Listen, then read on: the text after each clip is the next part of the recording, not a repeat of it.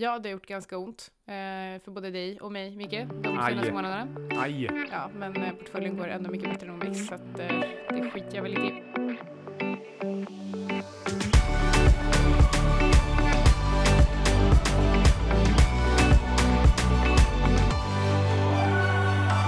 Hej, du lyssnar på Outsiders med Syding och Svan. Vi ska prata diskontering och vad som är inprisat och inte i marknaden. Men eh, innan dess. Hur mår du egentligen, Anna? Jag är lite krasslig faktiskt. Jag ehm, har åkt på feber. En av mina bästa vänner har eh, sagt till mig i typ en vecka att hon eh, har varit så här lite småkrasslig men det bryter inte riktigt ut. Och vi hänger med varandra cirka tre gånger om dagen.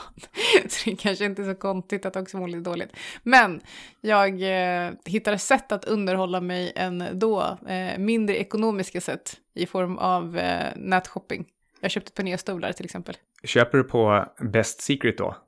Ja, men jag gör faktiskt det också. Eh, och eh, det gör det ju hela kanske lite mer ekonomiskt och så får man hem eh, saker till ganska bra kvalitet. Ja, vi har ju båda börjat använda Best Secret nu och jag har ju till exempel till slut köpt löparskor och börjat springa ute istället för barfota på löpband.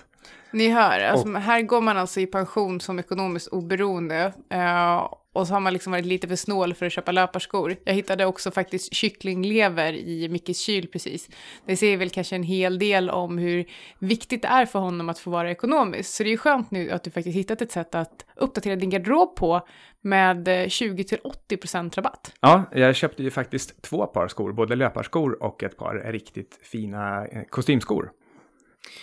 Ja, de var faktiskt riktigt, riktigt snygga. Jag, eh, förutom de här stövlarna som jag beställde så köpte jag ett par kostymbyxor från Escada som jag tittade på när jag var i New York men inte köpte då för att de var lite för dyra. Så hittade jag dem på Best Secret och eh, klickade hem dem tillsammans med en eh, grön blus som jag tyckte var riktigt, riktigt fin. Det här är ju ett slags hemligt modeparadis får man säga och när det är 20 till 80 procent rabatt på allt, ja men då blir ju till och med jag shoppingsugen.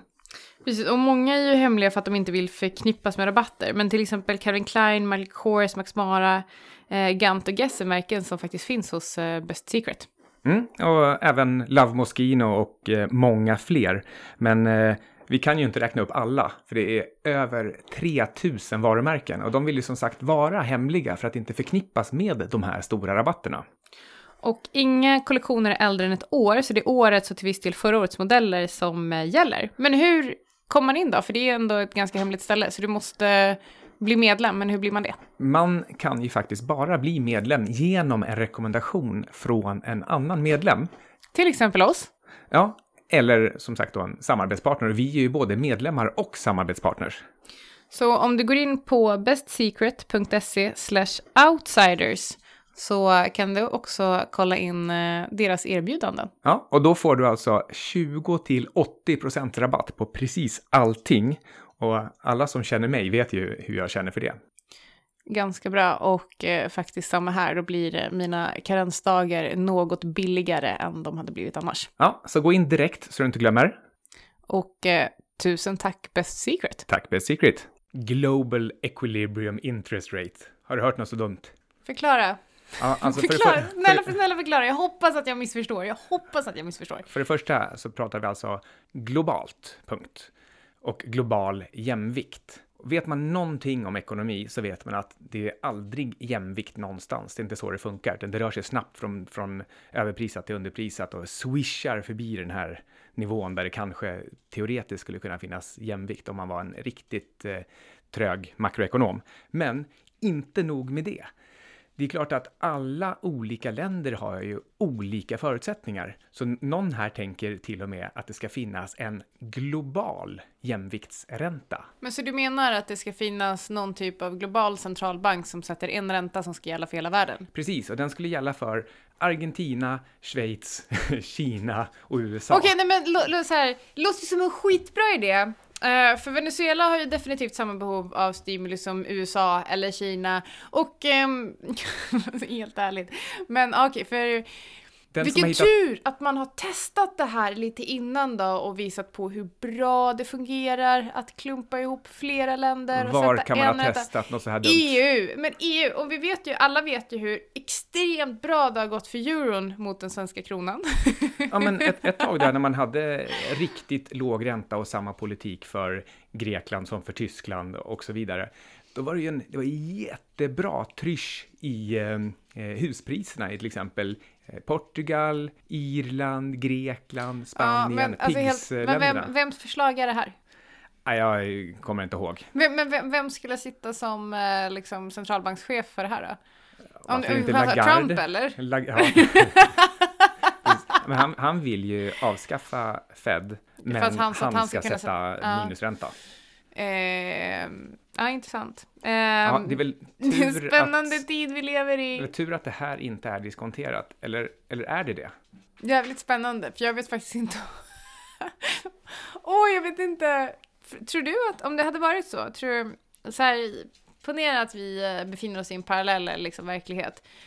Står S&P högre eller lägre än idag? Om det är, eller vad fan, ska vi avskaffa alla globala aktiemarknader också eller? Jag tror i alla fall att om någon nu skulle sätta en sån här Global Equilibrium Interest Rate, då skulle den ju sättas som eh, lägsta möjliga för sämsta möjliga land.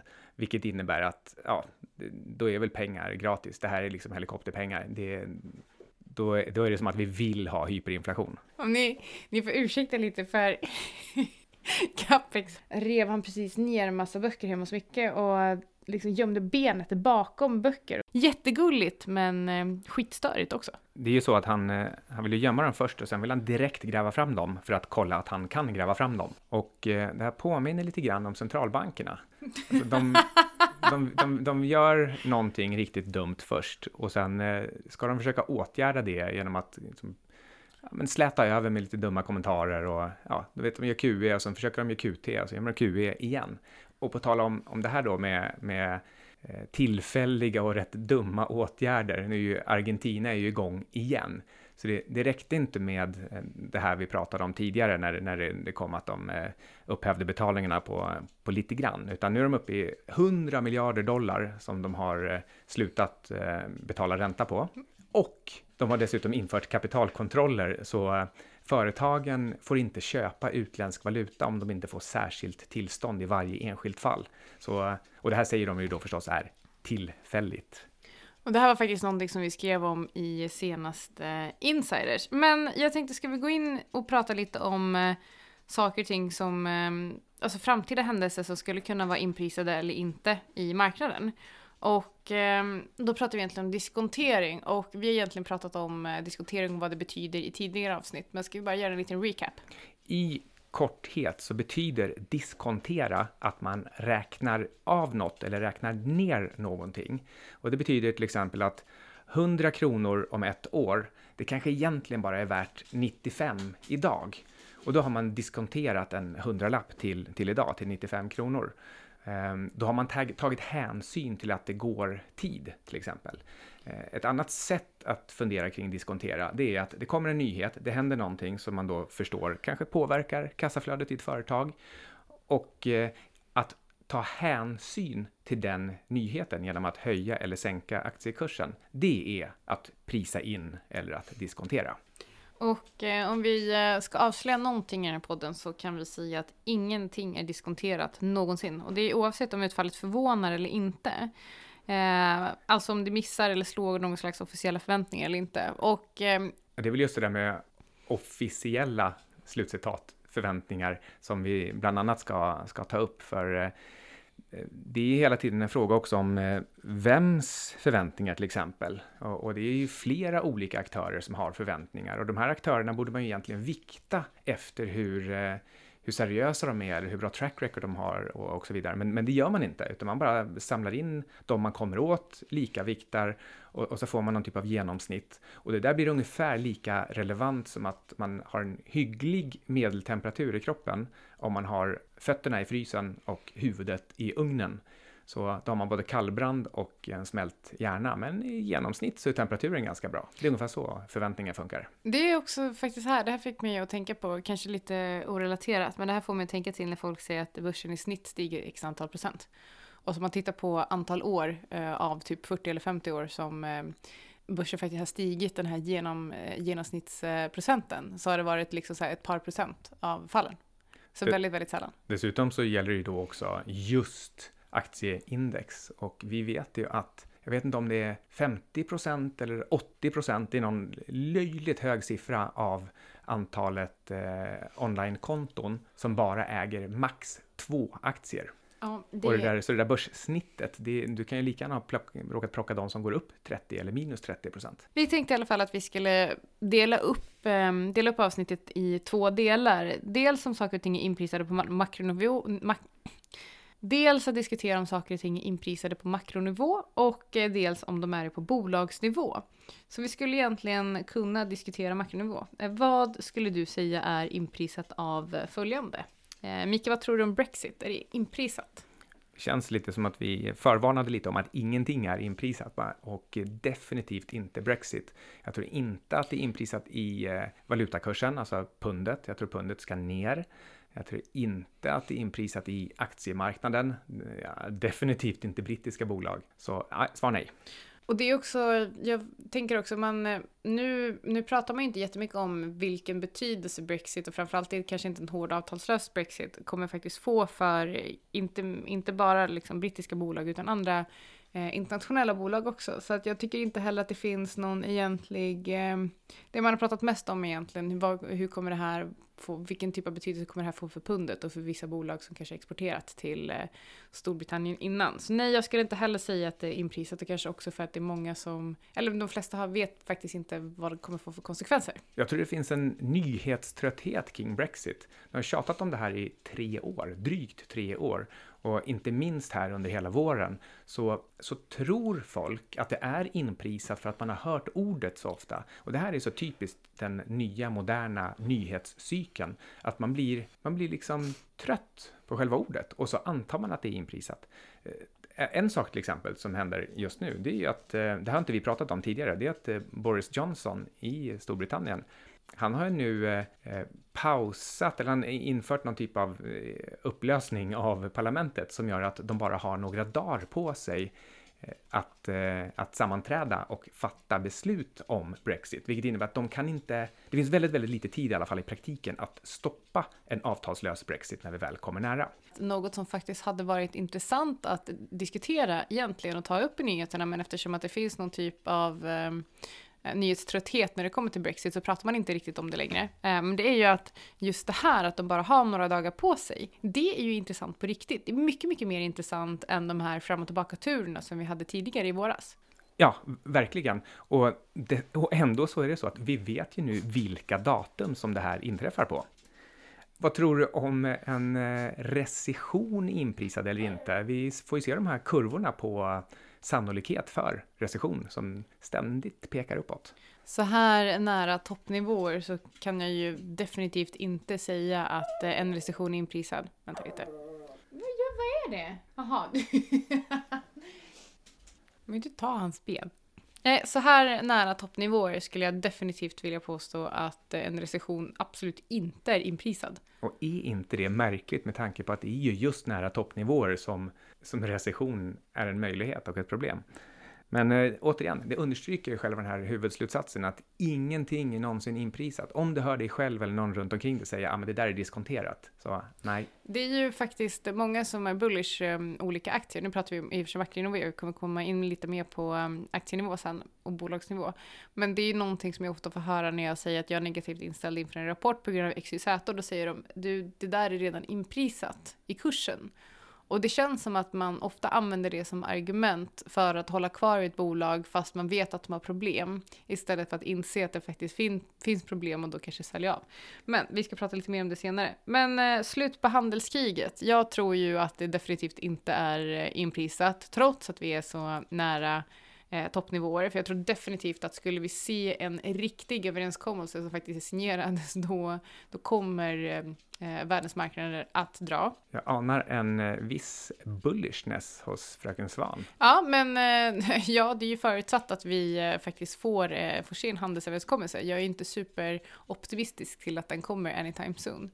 Men, eh, Men däremot så lär man ju få eh, hintar om, om att det kommer, oavsett om det kommer eller inte. Mm. Trump lär ju tweeta att det är på gång. Absolut, men jag tror också att så här att eh, Trumps tweets är väl det enda som faktiskt är inprisat i marknaden idag.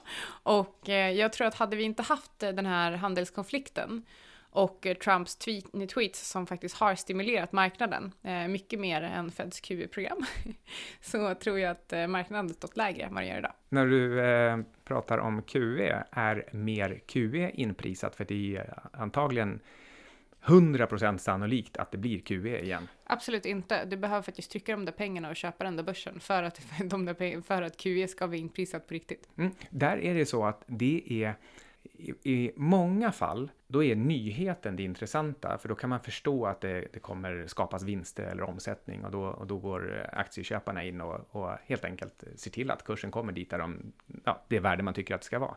Men när det gäller den här typen av flöden, tekniska flöden, du trycker pengarna och så, så läcker de ut i systemet. Det är det tekniska köptrycket och det är inte det är inte lika självklart att, att, man, eh, att stora köpare går in i förväg och själva trycker upp det, alltså frontrunnar, innan staten gör det. Nej, och det får de väl kanske inte riktigt göra heller. Men eh, inverterad yieldkurva då? Den är ganska eh, Icke inprisad. ty, ty, tydligt anknuten till det här med recession. Eh, Om och om igen så får man höra, om man är med i marknaden tillräckligt länge, att eh, den här gången betyder inte inverterad yieldkurva någonting. Till exempel nu då, för att, för att vi har QE och, och nollräntor, så, så skulle det på något sätt inte betyda någonting. Medan jag och en del andra som till och med faktiskt är äldre än vad jag är, säger att det kanske snarare är så att den här gången betyder det extra mycket någonting. För om du har negativa räntor och ändå negativ yieldkurva eller inverterad yieldkurva, det är, om inte det är ett varningssignal, då finns det inga varningssignaler. Jag tycker till exempel inte att den inverterade yieldkurvan är diskonterad i guldpriset. Och vi är den här veckan sponsrade av Pacific Fonder och deras förvaltare kan förklara lite närmare hur de ser på saken. Jag ringde upp Mattias Gromark, förvaltare och partner på Pacific Fonder, igår, torsdag eftermiddag den 5 september, för att höra om hans syn på ädelmetallernas rörelser just nu. Hej Mattias! Vad säger du som portföljförvaltare om utvecklingen för silver och det som kallas lilla silver, alltså platina, den senaste tiden? Ja, jag tycker det är väldigt intressant just nu att både silver och platina kör liksom catch-up med eh, guldet. Det är guldet som eh, börjar den här uppgången. Och särskilt platina har ju gått sidledes i många, många år. Något som är intressant att kika på det är prisskillnaden mellan platina och palladium. Bägge metallerna används i bilreningsteknik men eh, fram till 2008 var det platina som dominerade. Men då priset pikade på 2000 dollar per ounce så gick tillverkarna mer och mer över till palladium som då var billigare. Men nu, 12 år senare, 11 år senare, så är prisförhållandet omsatta. Palladium har dragit iväg och eh, platina har mer än halverats från toppen. Vi vände på strax under 900 2018 och nu har priset precis vänt upp och eh, vi handlar strax under 1000 dollar. Och så det är långt kvar upp till pristoppen då från 2008. Så att marknaden spekulerar just nu är att den här prisskillnaden kommer göra att fler och fler av biltillverkarna skiftar över till platina som insatsmetall. Spännande. Vi pratar lite senare om hur ni positionerar er i de här. Men eh, när det gäller just silver, vad betyder rörelserna i silverpriset för guldpriset? Finns det verkligen en relevant koppling? Jag skulle vilja säga att man brukar ju säga att eh, silver är ju guld fast på steroider. Börjar guldet gå, då följer silvret med. Anledningen till att det blir så stor skillnad i utvecklingen på silverpriset mot guldet, det är att det är en mycket mindre marknad, mycket sämre likviditet. Så både uppgångar och nedgångar blir större. Så att i dagsläget när guld nu går in i en bullmarknad, då följer silver efter, fast går betydligt hårdare uppåt. Hur kommer det sig egentligen att silvret beter sig på det här eh, lite mer volatila sättet? Jag tänker annars att eh, eftersom det också är en industrimetall, alltså att det man tar upp, det, det förverkas och, och försvinner egentligen, då borde det kunna finnas en mer fundamental förankring för priset. Ja, det stämmer ju. Det används ju mycket som industrimetall, men det är också en proxy på guld, fast en billigare sådan. Så att eh, när folk vill ha, köpa hedge så ser man här som en eh, billigare hedge eh, och som är lättare att köpa med för större spridning. Så att det är samma skäl som att man köper guld. Det är helt enkelt en hedge mot eh, sämre konjunktur. Hur exponerar Pacific Fonder sig mot de här olika ädelmetallerna nu? Alltså dels vilka typer av instrument och eh, vilka av de här metallerna får högst exponering och kanske då högst exponering relativt risken? Om vi säger så här att vi delar upp eh, drygt halva portföljen, lite mer än hälften av fondens innehav är direkt exponerade mot eh, ädelmetaller. Den exponeringen får vi via ETC och då köper vi bara ETC som har säkerhet i den fysiska varan. Så att det finns fysisk säkerhet och detta är ju för att minimera motpartsriskerna.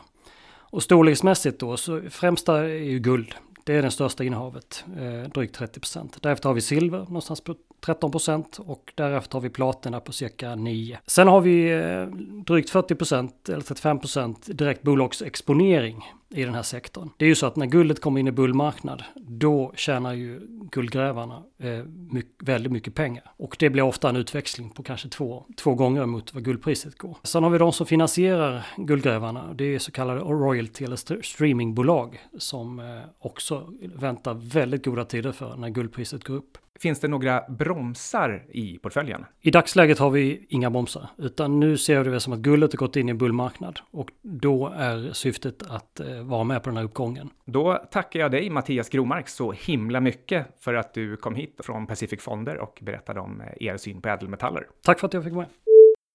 Vad tror du om det låga, alltså tror du att det lågt oljepris är inprisat? Då får man fråga sig i Hur vad? lågt då? I makron eller Men i nu, pratar vi, mikron? nu pratar vi makro. Ja. Mm, oljepriset är lågt. men det kan- Ish. Men, ja, precis. Ish. Ja, men det kan det- jag- definitivt bli lägre. Ja, det är det jag menar. Vad står oljepriset i nu? Ja, men 50 VTI står väl i 56, 7. Ja, precis. Eh, hur många år sedan är det stod i 20? Alltså det känns som att det är många bara. som, ja, exakt. Jag tror att det är många som kanske försöker köpa någon typ av oljedipp här och bara tittar liksom, de, man zoomar inte ut tillräckligt mycket och så tror man att det här är dippen, precis som när folk köper dippen i OMX när OMX faller 5% och så säger de köp på dippen, för det är då man tjänar pengar. Det tror jag verkligen är farligt, för om eh, man ska lyssna på den inverterade yieldkurvan, då har vi den här recessionen runt hörnet. Och recession betyder mindre efterfrågan på energi, alltså olja. Dessutom så kommer en recession innebära ytterligare sänkta räntor, vilket antagligen ger ett stöd till shale oil i eh, Nordamerika, vilket gör att de kommer liksom fortsätta att pumpa sina rekordnivåer mitt under en lågkonjunktur. Och då kan vi nog få ner priset på olja, kanske till nya rekordlows. Jag tänkte innan vi går över till bolagssidan så um, kan vi bara diskutera corporate bond crisis. Kommer det finnas en sån överhuvudtaget? Ehm, det, Jag tror, alltså jag inte, det beror lite på vilken, ehm, vilken kreditvärdighet vi diskuterar här. Jag ehm, tänker framför allt på situationen i USA, där dynamiken är den att halvbra företag har lyckats ge ut Eh, obligationer. Alltså det blir i grund och botten skräpobligationer och särskilt om vi får en lågkonjunktur, då blir de här företagen inte riktigt kreditvärdiga. Och eh, det är inte så att de har gett ut de här obligationerna för att finansiera någon produktiv verksamhet, utan de har köpt tillbaka sina egna aktier i minst lika stora volymer som de har gett ut corporate bonds. Så de har skruvat upp sin egen leverage, inte skapat några nya intäkter eller vinster. Och det här har de bara använt för att pressa upp aktiekursen och få företaget att se framgångsrikt ut. Vänder du på det här bara lite, lite grann, då kommer de inte kunna ge ut några nya bonds. De som har bondsen kommer försöka sälja av de här till vilket pris som helst, så att du kommer få se bondyieldsen eh, verkligen eh, skyrocket. Och eh, sannolikt då så, så eh, får de då, i och med att de inte kan rulla de här eller ge ut nya bonds, så kommer de inte kunna fortsätta med sitt självspelande piano. Och då, eh, då blir det en riktig kris. Och ett problem här, det är att pensionsfonderna har ju skrikit efter att, att hitta avkastning. Så efter att de har tvingats köpa lågavkastande statsobligationer så har de kryddat med corporate bond ända ner till nivån precis över junk. Och om de här faller ett litet snäpp bara till junk, då måste pensionsfonderna sälja, för det är deras reglemente. Jag tänkte innan vi går över på um, bolagssidan och drar ett par case kanske lite kort så fick jag precis här och nu en tanke. ju mer optimistisk en marknad är, som till exempel nu, så känns det som att man har lättare att prisa in positiva nyheter i förväg och ta mindre, ta mindre seriöst på negativa nyheter.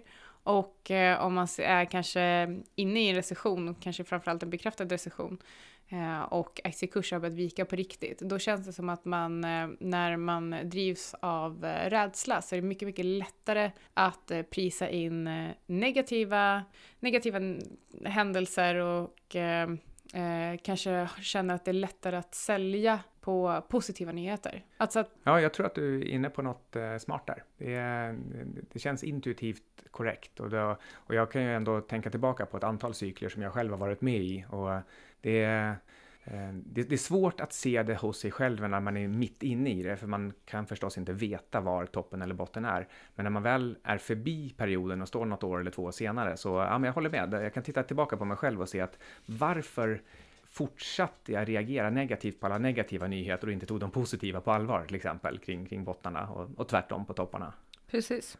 Men jag tänkte vi kan, eh, för jag har inte supermycket tid kvar, så jag tänkte att eh, vi kan väl plocka våra två favoritbolag, H&M och eh, Tesla. Så jag tänkte att eh, jag kan börja och prata lite om vad jag tror är inprisat och inte inprisat i H&M. Eh, och eh, det som framförallt har pressat upp eh, aktiekursen nu det senaste, det är, det har ju kommit en del analyser på bolaget, upp, uppdaterade analyser, uppdaterade rekar med höjd riktkurs och eh, nu kommer väl folk be mig ta på mig foliehatten, men så här fungerar analytiker och analytikers jobb. De får inte sätta en riktkurs som ligger för långt ifrån dagens aktiekurs, för att när de sen blir rankade så är det det här de blir rankade på och då måste de ligga väldigt, väldigt nära. Och det här blir egentligen lite självförstärkande, för att då ger de en rek, eh, eller då uppdaterar de reken med ny riktkurs som ligger närmare aktiekursen, som aktiekurserna har dragit lite. Då måste analytikerna vara något mer optimistiska i den analysen de släpper. Och du som är gammal analytiker, kan du konfirmera eller inte? Jag kan bekräfta det här. Det är till och med så att i, sist i de flesta analyser så brukar det finnas en, en kursgraf och i kursgrafen så är det också inritat vad rekommendationen är, eh, eller, eller riktkursen. Och eh, eh, då ser det ut som att den, att den följer aktiekursen väldigt nära. Det ser alltså helt enkelt ut som att de har rätt. Men tar man fram ett förstoringsglas så ser man att de är lite efter hela tiden. Det vill säga att eh, i princip så, så har man en, man har en grundalgoritm som säger vad är kursen idag? Ja, då är vår riktkurs 10% högre. Och sen, det är liksom base case. Eller lägre beroende på hur sentimentet ser ut egentligen. För Ja. man får inte heller, man ska inte heller vara för contrarian som analytiker. Nej, men, eh, precis. Men, men eh, oftast i de flesta marknader så ska man då ligga 10% över.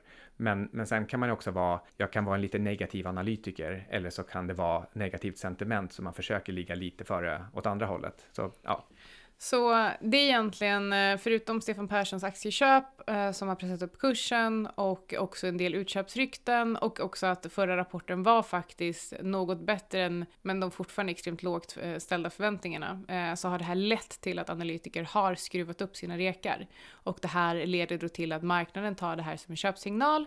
Och samtidigt, för det som jag tycker är intressant, jag läste en artikel som sa ja, alla de som varit kritiska till H&M senaste året har ju haft helt fel. Jag visste att allt fundamentalt har liksom slagit ut precis som de har sagt, men nu står ju faktiskt aktiekursen mycket högre. Va? Ja, men jag har pratat om det fundamentala. Så vad har egentligen aktiekursen diskonterat i H&M? Vad är det marknaden... Bara positiva, det är inte ens nyheter, det är nonsens. Det är egentligen, ehm, eh, det känns egentligen som att det som är, det som är inprisat i H&M just nu är FOMO och eh, en förhoppning om att det kanske ska vända i framtiden. Men det handlar egentligen om att sentimentet börjar svänga från negativt till positivt utan att det egentligen är något som backar upp det.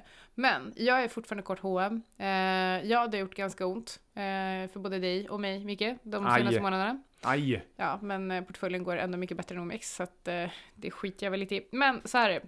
Jag förstår att jag säkert är superbiased, eh, men jag tycker också att det finns vissa signaler som tyder på att eh, det håller på att förändras. Jag tycker fortfarande att bolaget har jättemycket kvar att, eh, att visa. De har fortfarande stora problem med lagret, de har fortfarande jättemycket problem med marginalen, vilket gör att även om försäljningen ökar med ett par procent, eh, onlineförsäljningen eh, ökar ju däremot ganska mycket, så är det faktiskt så att resultatet fortsätter falla. Och jag tittar ju på års Eh, Eh, alltså rullande 12 månader. Så att jag tycker fortfarande att bolaget har för mycket kvar att försvara. Eh, eller för mycket kvar att eh, bevisa. Men för att också eh, rama ihop det. Jag tror också att det är eh, att även om bolaget har, fortfarande har en del interna problem så är det externa faktorer som jag oroar mig för mer. Var ska H&M om resten av marknaden ska ner? Jag har en liten spaning på det temat, precis. För att jag satt nämligen häromdagen och eh, skulle svara på frågan, ja men vad tror du mest på i OMX? Om vi bortser från att du tror att allt ska ner, så, så vad ska gå bäst? Så försökte jag fundera lite i traditionella sektorrotationsmönster. Eh, eh och eh, jag är extremt negativ till till exempel verkstad för att vi står inför en lågkonjunktur och kanske även just en Kina-ledd lågkonjunktur. Och eh, bankerna, ja men de vill man ju aldrig ha i lågkonjunktur. Eh, definitivt inte när räntekurvorna ser ut som de gör. Det blir, det blir svårt för bankerna att tjäna pengar, vilket vi har sett på bankkurser, inte minst eh, på, i Europa. Och, och, nu börjar det inte bli så många sektorer kvar. Man vill inte ha bygg heller. Eh, även om man kan tycka att bygg har kraschat ihop i, i förväg ja, men då, då vill man hitta någonting som ska föreställa lite mer säkert och stabilt och sådär. Då, så blir det, då blir det billig retail. eh, och, och, jag tror att det kanske är det vi ser. Det här är som en dödsryckning när folk roterar in i någonting inför en lågkonjunktur. Så om du sitter där ute med en tabell som visar att, eh, att H&M har gått upp 50% i aktiekurs men kassaflödena har kollapsat, då tror jag att eh, man ska tacka sin lyckliga stjärna och bara kasta sig ut ur H&M. Och ja. ingen rekommendation. Nej, eh, absolut inte, för vi lämnar inga rekommendationer. Har du något kort att säga om Tesla innan vi måste runda av? Har de eh, diskonterat in den här nya försäkringsverksamheten eller inte i Tesla? Vad står aktiekursen i just nu? Det står 225 dollar. Det är ju fantastiskt högt. Den jag är måste... ju maxvärd 25. Jag måste faktiskt säga så här. Jag tycker att de, att de kan lansera den här typen av försäkrings... Nu ska jag säga någonting som kanske kommer chocka dig. Att de kan lansera den här typen av försäkringsverksamhet och därmed faktiskt få in en del kassaflöde gör att jag tror att om de fortsätter göra den här typen av, fortsätter med den här typen av trick samtidigt som att de kanske någon gång i framtiden eventuellt får kontroll på hela verksamheten så kommer de att klara sig. Och då tror jag att du i ditt short case på Tesla kan ha fel i längden. Don't bet against Elon. han, är, han är fantastisk eh, på execution, det måste man säga. Och på att fixa kassaflöden när han gör eh, förlust 16 år i rad. Så eh, det här att han, han, säljer hela tiden vaporware, alltså saker som inte existerar och som han i många fall aldrig någonsin kommer leverera. Och just försäkring är ju skitsmart. För du säljer någonting, du får in premier och förhoppningsvis så rasar ju inte bilarna ihop fullständigt förrän inom liksom, i alla fall kanske tre år eller någonting. Och det där kassaflödet pumpar ju in från alla godtrogna Tesla-älskare. Och eh, om han om tre år, om företaget finns kvar då, och bilarna börjar gå sönder och han måste betala, betala ut, ah, men då, då kanske företaget ska gå i konkurs på det då. Eller så har han, som du säger, faktiskt lyckats skapa produkter som fungerar. Han har i alla fall köpt sig några år. Ja, så skulle jag behöva göra, ta en spread här så hade det varit långt Tesla, kort H&M.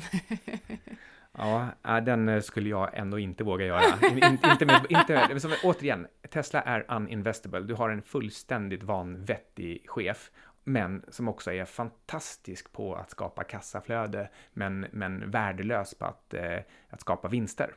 Men med det sagt, du har, har lyssnat på Outsiders med Sydning och Observera att det här avsnittet sponsrades av Best Secret och Pacific Fonder.